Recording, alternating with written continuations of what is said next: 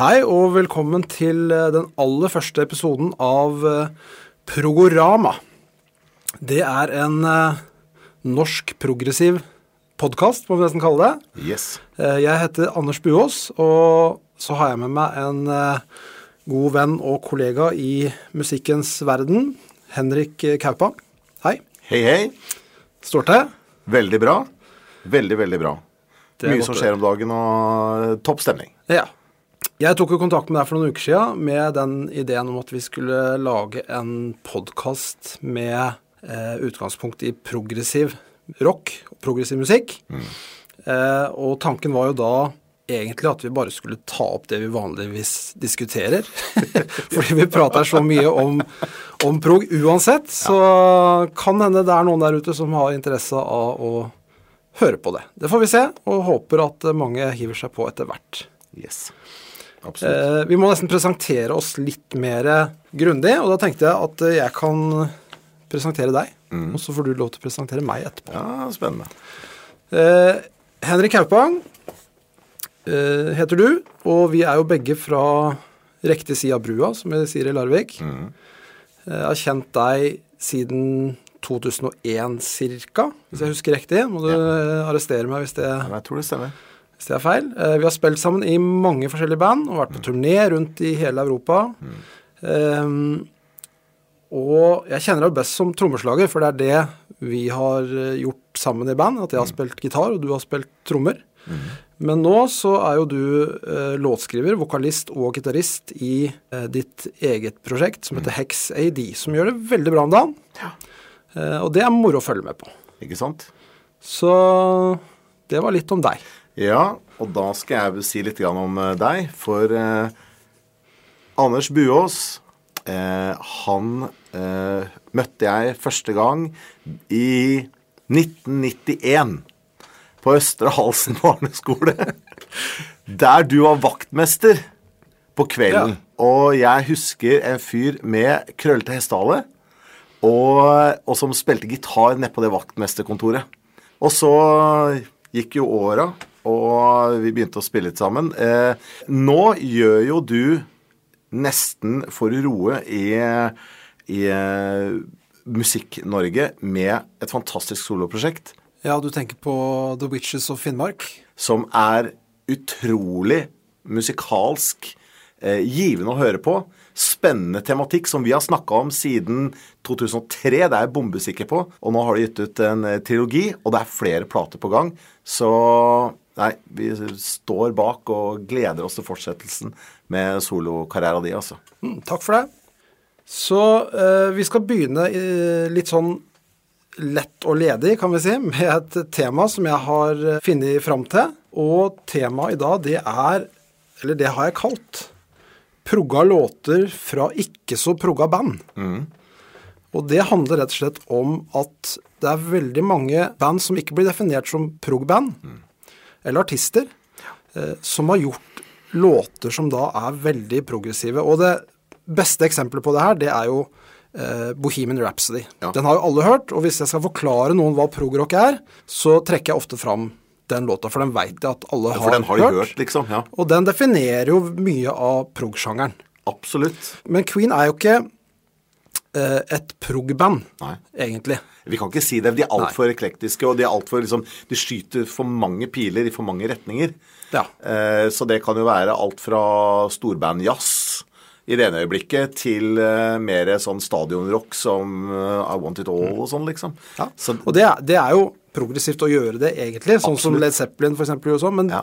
men per definisjon så vil jo de fleste si at Queen og Led Zeppelin eksempel er ikke et prog-band.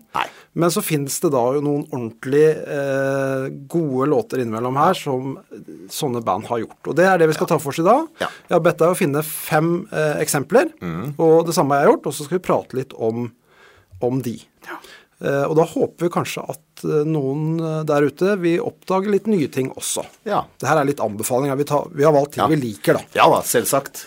Selv Så- jeg, men eh, jeg må jo da si at eh, ja, liker, liker. Ja, den, en av mine eh, må jeg nesten si at er mer morsom enn den er ekstremt fet. Ja. det blir spennende. Jeg gleder meg til å høre. Ja, eh, og det er eh, tilfeldigvis min nummer fem. Mm, da Skal kan du begynne. Skal jeg begynne der? Kjør på. Fordi at vi skal til ei plate som jeg eh, har et relativt sånn distansert forhold til. Jeg har Aldri hørt i hjel den skiva her. Men det er rett og slett fordi at det er en dose Møllers Tran for mye for de aller, aller fleste. Eh, noen blodfans av dette bandet hyller albumet og, og trekker det fram som liksom karrierehøydepunkt. Eh, det er veldig vanskelig for meg å se at noen kan gjøre det. Men vi snakker om Venom. og låta Det er faktisk halve albumet. At War With Satan. Tikker inn på 19 minutter og 53 sekunder. Du verden. Eh, det er eh, det mest eh, eh, overdådige og pompøse eh, og skranglete som noensinne er putta på tape. Det, må det være. Eh, det begynner med liksom torden og noe bassintro-greier. og Det er liksom, det skyter riff herfra og derfra, og det henger ikke sammen for fem flate øre. Det er en det er et artig listen, for all del. Men det er mer morsomt enn jeg syns at det bare dette her er magisk. For det er ikke magisk på noe som helst måte, men det er ekstremt underholdende. Og det er noen tekster og Storm the Gates, og det er, eh, det er vanvittig underholdende lytting.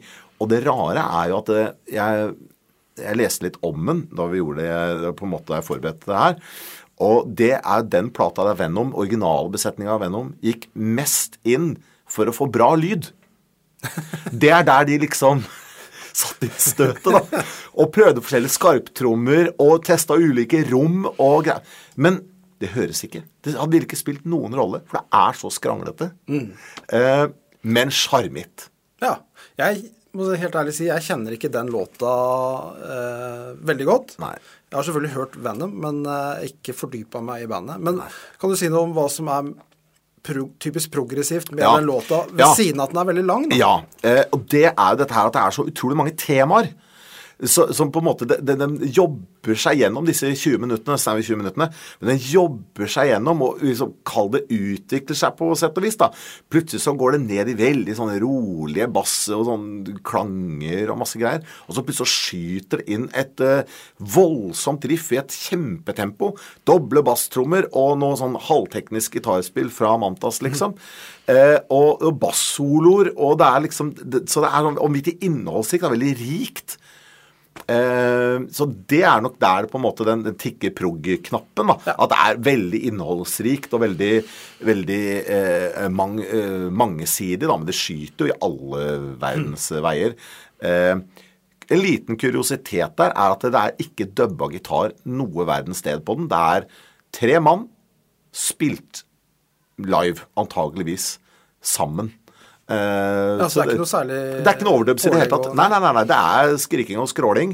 Og det som er eventuelt overdubs der Jeg hørte på den senest i går. Uh, må være de effektene og sånn som ligger der. Torden og lyn og noe greier. Men, uh, men spilling av musikken For alt jeg vet, så kanskje Kronos har synget etter at bandet har lagt kompet, liksom.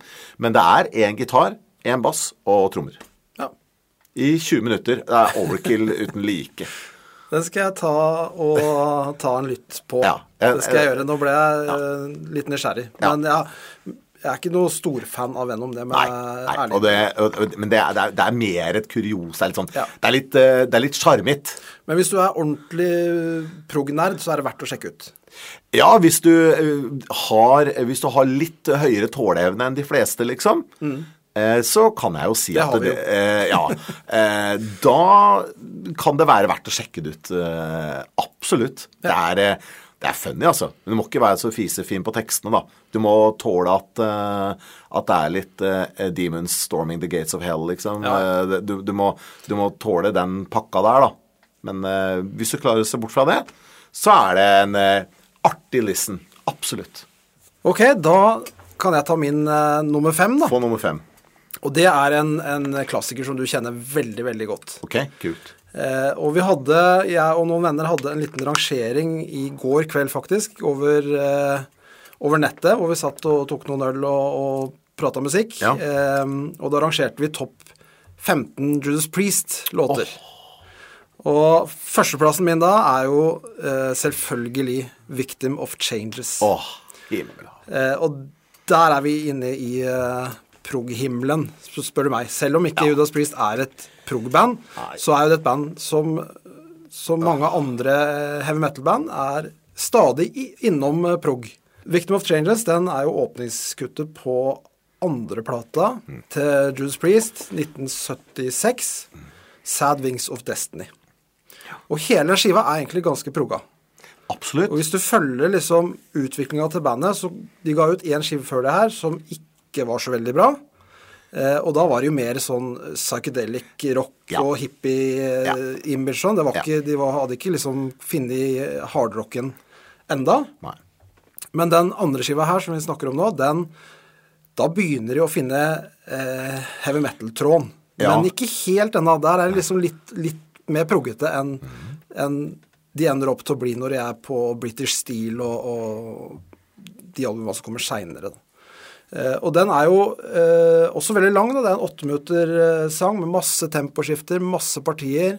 Eh, fantastisk arrangement. arrangement. Og ikke minst spillinga her er helt upåklagelig. Den er aldri kjedelig å sette på. Nei. Det låter alltid freskt og spennende. Ja. Og da oppdager jeg stadig nye ting når jeg setter på den, den skiva, og spesielt 'Victim of Changes'. da. Ja. Den er uh, spilt inn i et veldig kjent studio. Vet du hvor eh, den skiva er spilt inn? For det må vi prate litt om. ja, Morgan Studios. Nei, Er det ikke det? Rockfield. Rockfield, ja. Rockfield Studios. Jeg trodde det var Morgan på den. ja. Nei, men det er I, Rockfield i eh, Wales, ja. I Wales. Og der er jo Vi nevnte jo Bohemian Rhapsody eh, i stad, Mm. Queen. Det er også spilt inn der. Yes. Mike Oldfield har vært der og spilt inn. Eh, Rush spilte inn Farewell to Kings og Hemispheres i samme studio. Black Sabbath har spilt inn der, og mange mange andre. Så det er jo et, et eh, studio hvor de virkelig store banda har vært og laga noen av de beste skivene fra 70-tallet. Ja. Så det syns jeg var verdt å nevne. Da sender jeg ballen over til deg. Ne? Ja. Eh, nummer fire på nedtellinga. Vi skal til Toto, faktisk. Ja. Eh, og eh, åpningssporet på eh, skiva, eh, er også faktisk, 'Falling In Between'. Eh, det er jo ei plate som er gitt ut på et mer sånn AOR-selskap. Vi er midten av 2000-tallet, mener vi er sånn 2006, eh, et eller annet. Låta er overraskende heavy og proggete til å være Toto. Man forventer liksom en slags Rosanna-greie, men den låta her er, det er drop D-tuning, og det er skeive taktarter, og det er Simon Phillips i fyr og flamme, og Bobby Kimball som uh, synger 'Æren flytter meg', som han Ja, det er helt vanvittig. Dødskul låt. Eh, veldig, eh, veldig svingete, veldig groovy, men eh, også veldig tung. Overraskende tung, men eh, den er rett og slett bare dødsfet. Jeg husker vi lå an til å få en eh, turné med Bobby Kimball i 2013. Da var det ting som eh, gjorde at det ikke gikk helt eh, som det planlagt. Men da var det en av låtene som vi øvde inn. Ja. Eh, og det var eh, et lite studie i seg sjøl. Eh, det var ikke småpotatis. Det er en ganske kul skive, men låta der er Den må vi kunne putte prog-hatten på, altså. ja. Og jeg kom på flere Toto-låter, jeg, når du nevner det bandet, Ja, som, som kunne bli stempla som prog, altså. Ja. Helt rått. Jeg vil ha med en låt som kommer dundrende inn fra venstresida. De bør stå som et sånn stjernemerke nederst på denne sida. Og det er en coverversjon som Toto gjør av eh, 'Sunshine of Your Love' Ja. med Cream. Eh, og det er jo De laga en coverplate rett før den her eh, 'Falling In Between', som heter 'Through The Looking Glass'. Og der går de all out prog. De progger opp Cream. eh, og det lukter Simon Phillips lang vei. Ja. Eh, så det er fotnota mi. Det er også en anbefaling. Fantastisk arrangement av den låta. Jeg eh, tør nesten si at det løfter originalen. Ja. Den skal jeg sjekke ut, for den har Ja. jeg ikke hørt. Den er eh, vanvittig. Ja.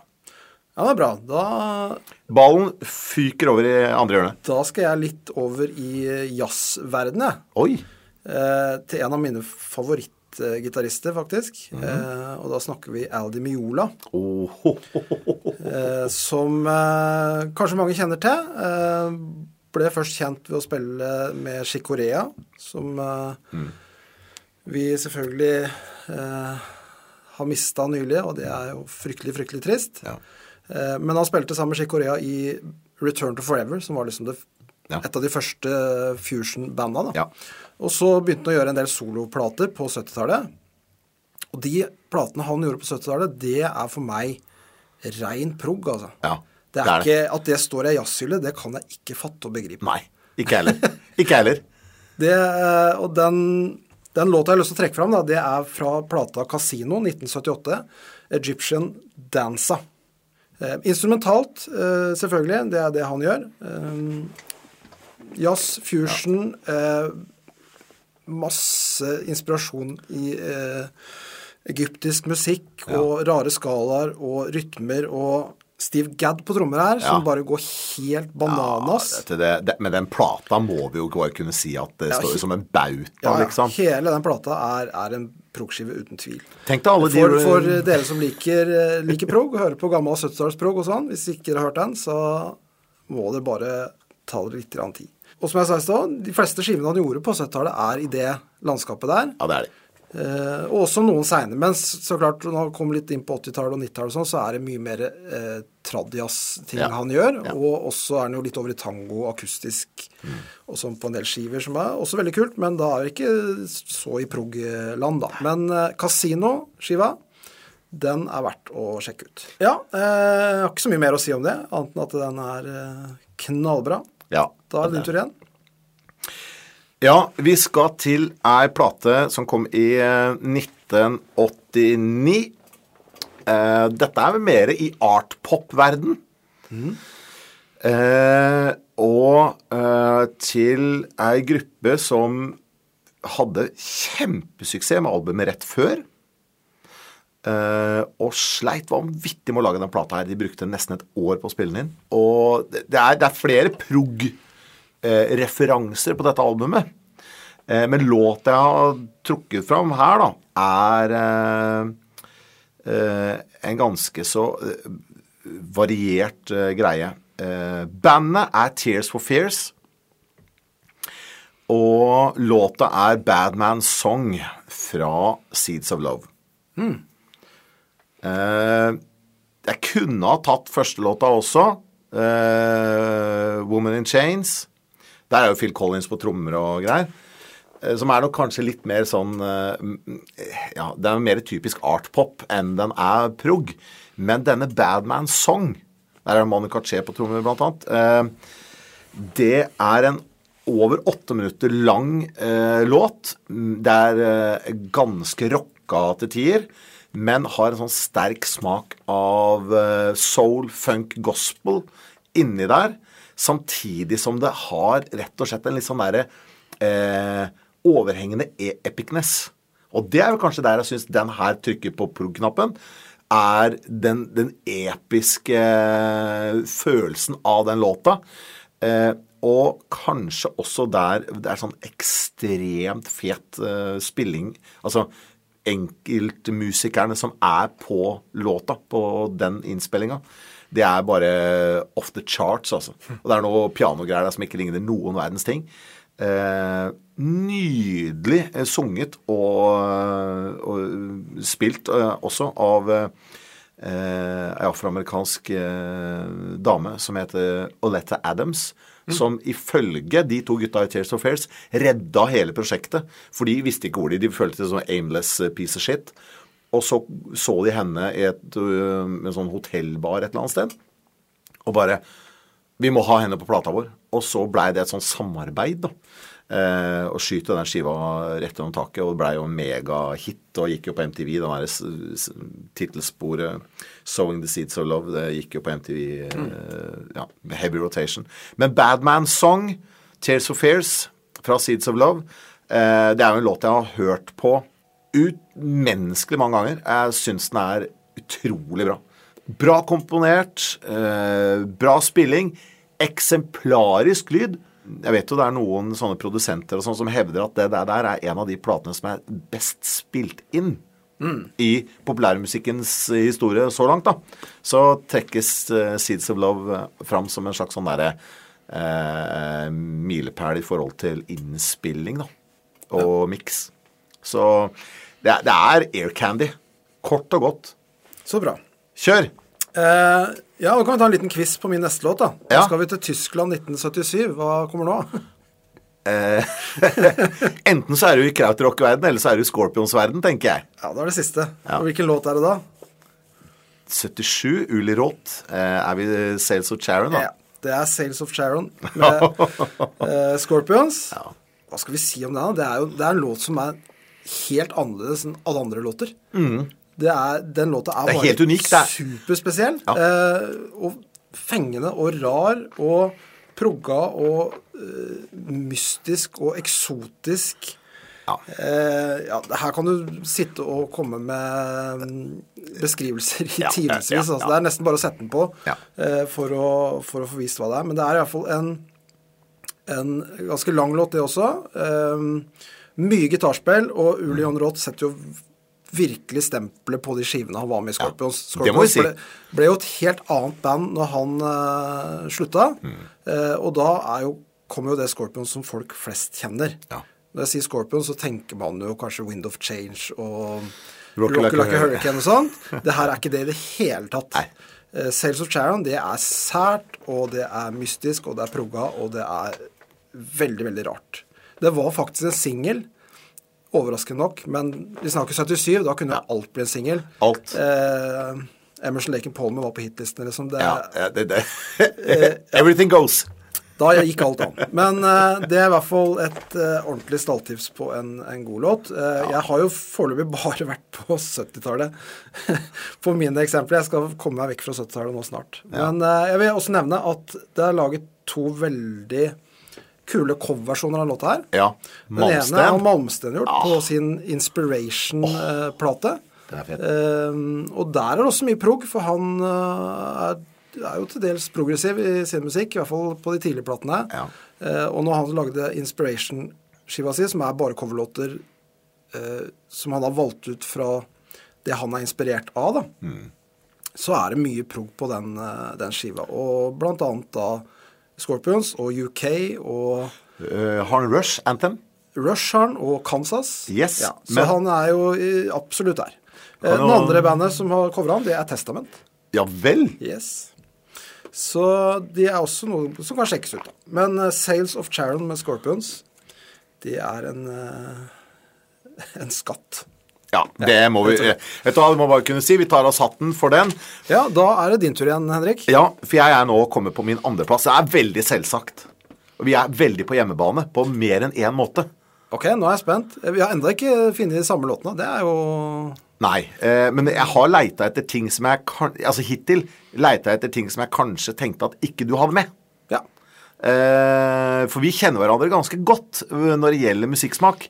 Så jeg har leita litt i, i, i eh, Jeg har gravd litt i kartoteket, for å si det sånn, da. Men den neste er veldig selvsagt. Det er mest obvious prog som ikke er prog. I hele verden, tror jeg. Nei da, det er ikke det. Men i heavy, heavy metal-verden, i hvert fall.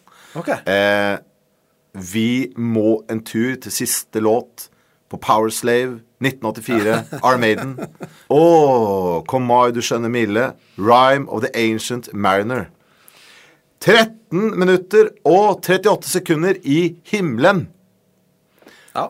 Det er kort og godt eh, en av de råeste låtene som er laga for meg. Det er et mesterverk, uten tvil. Eh, og Maiden var jo progga allerede på første skiva. Ja, ja, med Phantom of the Opera, Opera, herregud, for eksempel. Ja, Eh, så- og hvis, nå må ikke vi begynne å diskutere Maiden, for det kunne, da går tida helt eh, fra Ja, oss her. ja. Rhyme of the Ancient Mariner, der har du alt du trenger i en låt. Det er pompøst, det er raske partier, det er gitarsoloer, det er eh, rolige partier, det er en tale, Ja, det er diktlesning, i episke tekster, altså. eh, ja. You name it. Så- Og vi kunne jo gått i detalj på hvordan de spilte den inn, og hvordan Martin Birch klepte det. Og de kunne ikke fått fuzzpedalen til Dave Murray laga klikkelyd når Altså, ja, det er vi kunne gått i mikrodetaljer på den her. Eh, Jeg, jeg mistenker at mange av de som eh, hører på, kjenner den låta. Ja. Det er overraska hvis ikke det er kjent for I hvert fall de som er opptatt av prog og også liker hardrock. Ja, ikke så sant? kjenner de jo den. ja, det vil jeg jo nesten bare kunne Men si. den er obvious, som du sier. Det Den er veldig obvious, og grunnen til at det, det andre obvious ville jo vært Alexander the Great. Men jeg får litt utslett av syntgitarlyden på Summer in Time. Eh, og det har jeg krangla mye med mange om.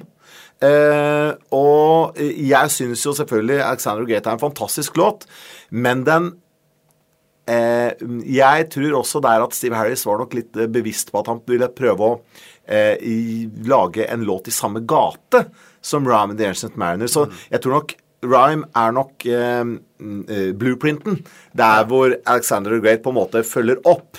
Og der jeg kanskje syns at Rhyme the Ancient Mariner treffer bullseye, så mener jeg kanskje at eh, den eh, Alexander the Great mangler litt av det der hvor Rhyme treffer, da. Ja.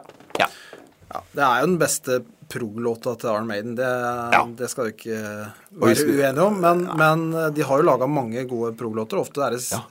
eh, på side to de havner. Det er jo trender. Men du har jo eh, Phantom of the Opera, Seven Son of a Seven Son, Ja, ja, Alexander ja. Great også. Så Ja, ja, der er det mye å hente. Og, og for mange så er jo Maiden prog. Det er jo så det. enkelt er det. Og- og- Hvis du liksom kommer forbi uh, Run to the Hills og The Troopers, så blir det fort prog. Det blir veldig fort prog. Og Steve Harris og Bruce Dickinson er jo veldig vokale begge to, med at uh, Jethro Tull og Genesis er jo noe av det de liker best. Så ja, Men eh, Maiden får være Maiden. Den er Ja. obvious, og den er er sykt fet. Skulle ikke forundre meg om vi kommer tilbake til Maiden en eller annen gang. Nei. Eh, da skal vi til Norge. Ja, for du er, på Første nummer, du, er på, ja, du er på nummer to. Ja, første norske. Ja, det er nummer to, men det er ikke noe rangering eh, Ah, okay. i, i, i forhold til kvalitet. Jeg har bare valgt fem eksempler. Som Ja, er, det er. Første fem jeg liksom kom på som jeg tenkte at det her er ikke prog-band, men eh, hører hjemme, de, de låtene her hører hjemme i, i prog-hylla likevel. Kult. Og nå skal vi prate om Susanne Sundfør. Åh, du store. faktisk. Eh, og en låt som heter 'Memorial' fra Ten Love Songs-skiva, som kom i 2015. Ja vel. Eh, og den skiva, den oppdaga jeg eh, på anbefaling av kona mi, faktisk. For hun Ja. fikk eh, dilla på den. Og så sa den må du høre, den kommer du til å like. Jeg sa nei, Susanne Sundfør, det kommer ikke jeg Det er sjekker jeg. Tenkte jeg. Men jeg hadde egentlig ikke noe begrep om hva det var. Nei. Eh, og der ble jeg ordentlig satt på plass, for når jeg hørte på den skiva, så den traff meg noe så sinnssykt med en gang. Ja. Helt fantastisk skive. Og den skiva for meg er en prog-skive, altså. Eh, Ja. Men det tar litt tid før du skjønner det. Ja. For den, fordi produksjonsmessig så er det mye pop og mye eh, veldig fengende ting her. Men det er progressivt hele veien. Og Memorial det er en låt som er ti minutter lang. Åh, For det første. Det starter som en sånn veldig standard, eh, kanskje litt sånn 80-tallsballade, og så utvikler den seg til å bli symfonisk med full symfoniorkester. Og da er vi inne i Chopin og Philip Glass og filmmusikkverden. Altså utrolig sånn full sounds, eh, eh, soundtrack, uh, klassisk soundtrack. Uh, Ja vel, ja. Og så går den tilbake igjen og har masse bevegelser og Men som sagt, hele skiva er for meg veldig progga. Det, jeg må fortelle en litt artig historie der, fordi vi dro da på konsert eh, for å se Susanne Sundfør i Oslo Spektrum på utsolgt eh, konsert. 10 000 mennesker i Oslo Spektrum. Eh, kjempebra. Helt fantastisk. Noe av det beste lysshowet jeg har sett ja, kult. også, bare for å nevne det. Men det som jeg syns var veldig morsomt når jeg satt og så den konserten, det var at her er det 10 000 mennesker i Oslo Spektrum, og alle sitter og hører på prog, Ja. men de vet ikke. Ja. De har Ja. ingen anelse. Nei. Eh, litt morsomt og litt trist òg, at kanskje de, mange av de burde gravd litt dypere i den musikken, og kanskje oppdaga de banda som vi er glad i, da. Ja. Eh, så jeg tror nok eh, kanskje at det her er, kan være en slags brobygger for noen. ja. Eh, men hvis ikke du har hørt Ten Love Songs, så vil jeg også anbefale den plata veldig. Veldig kult. Har du hørt den? Ikke hørt den, Nei. men det må jeg jo absolutt sjekke ut med en eneste gang. Susanne Sundfør er jo flott uh, låtskriver og Ja, hun er så flink. Så er, uh, all uh, kred. Ja. All kred, altså. Så der, der ble jeg ordentlig arrestert. Det innrømmer jeg. Ja, men det er bra. Da er det din tur. Da er min tur. Og dette her er Nå skal vi tilbake til det glade, eller mørke 70 Vi, vi tenker på det som det glade 70-tall, men jeg tror egentlig kanskje de som opplevde det, ikke syns det var så like fett. I hvert fall ikke i Irland. Og dette her er keltiske myter. Dette er keltiske melodier. Det er twin-gitarer, det er taktskifter, det er trommer. Det er Black Rose, a rock legend, med Tin Lizzie. eh, det er Gary Moore, Scott Gorham, Brian Downey og Phil Linnott i skjønn samklang. Eh, Makan til overlevering, har gitt. Men hvilken låt fra Black Rose? Det er Black Rose. Selve det er selve tittelkuttet? Ja. Rosin Dubb. Ja, den er flott. Eh, ja, det, det, det er um, um, kanskje noe av det råeste jeg vet av Thin Lizzie. Kanskje min favorittlåt av Thin Lizzie. Uh, og, eh, og, og jeg har mange låter med Thin Lizzie som jeg er veldig glad i, annet 'Waiting for an Alibi', som er på samme plate. Uh, men dette her er Det er så episk og så lyrisk og Nei, det er eh, rett og slett eh, en låt jeg kan komme tilbake til igjen og igjen og igjen. Eh, og det er bare lekkert. Rett og slett lekkert. Da kommer mitt eh, siste eksempel. Eh, og her kommer det også noe som kanskje vil overraske mange. Eh, og jeg skal nå til 2004. Og nå skal vi litt inn i punkens verden. Oi, oi, oi. Kan du gjette hvor vi skal da? Har ikke peiling. Jeg tenker kanskje liksom Refused og, og sånn, Nei da. da, vi skal, og vi skal på konseptalbum. Punk. Punk-konseptalbum fra 2004. Og det er veldig kjent. Det er American Idiot Ja. med Green Day. Ja. Eh, og det er også noe som jeg oppdaga litt sånn ekstra i de siste åra, fordi jeg var så heldig at jeg fikk være eh, produsent for musikaloppsetninga av American. Idiot i, eh, her i Larvik ja, for to år siden. Eh, og da måtte jeg virkelig fordype meg i den. Mm.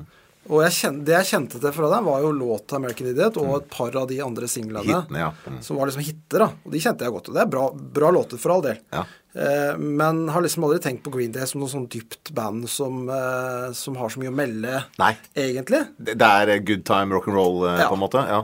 Men der også ble jeg satt litt på plass, fordi den American Idiot-skiva, det er jo en konseptskive som forteller en, en historie gjennom hele skiva. Um, og den er jo ekstremt inspirert av Tommy ja. med The Who. Og det hører i musikken hele veien. Det er Ja, nesten småflaut noen steder, men hvis du liker Tommy med The Who, så Ja. liker du også den skiva her, vil jeg tippe. Ja. Uh, og jeg vil trekke fram én låt som heter 'Jesus of Suburbia'. ja. Den er ti minutter lang. Oh, En punklåt på ti minutter, det er ikke hverdagskost. Nei. Og her er det masse deler og temposkifte, og det skjer ting i handlinga. Eh, og når vi gjorde musikalversjonen her, så var det var så utrolig flott å se den låta bli framført òg, for det, var så mye drama i, I i løpet av liksom, den ja. Mm. eh, låta, da. Eh, og du får så mange eh, flashbacks til The Who Mm. eh, og en del andre klassiske rockeband og artister i, i løpet av den eh, rockeoperaen her, eller konseptalbumet. Ja. Så American Idiot det er et stalltips. Hvis du tenker at Green Day nei, det er altfor kommersielt og det er ikke noe jeg vil høre på, så gi den en sjanse. Eh, og hør hele, og, og les deg opp litt på historien. Den er veldig, veldig bra. Kult. Ja, da var vi gjennom listene. Det var mye artig, og en del nye ting som ikke jeg kjente til. Ja, i like måte. Og da er vi også gjennom første episode av Progorama. Vi håper at eh, du satte pris på vår lille progprat. Og følg oss gjerne på sosiale medier. Eh, kommenter og arrester. Vi ses neste gang. På gjenhør.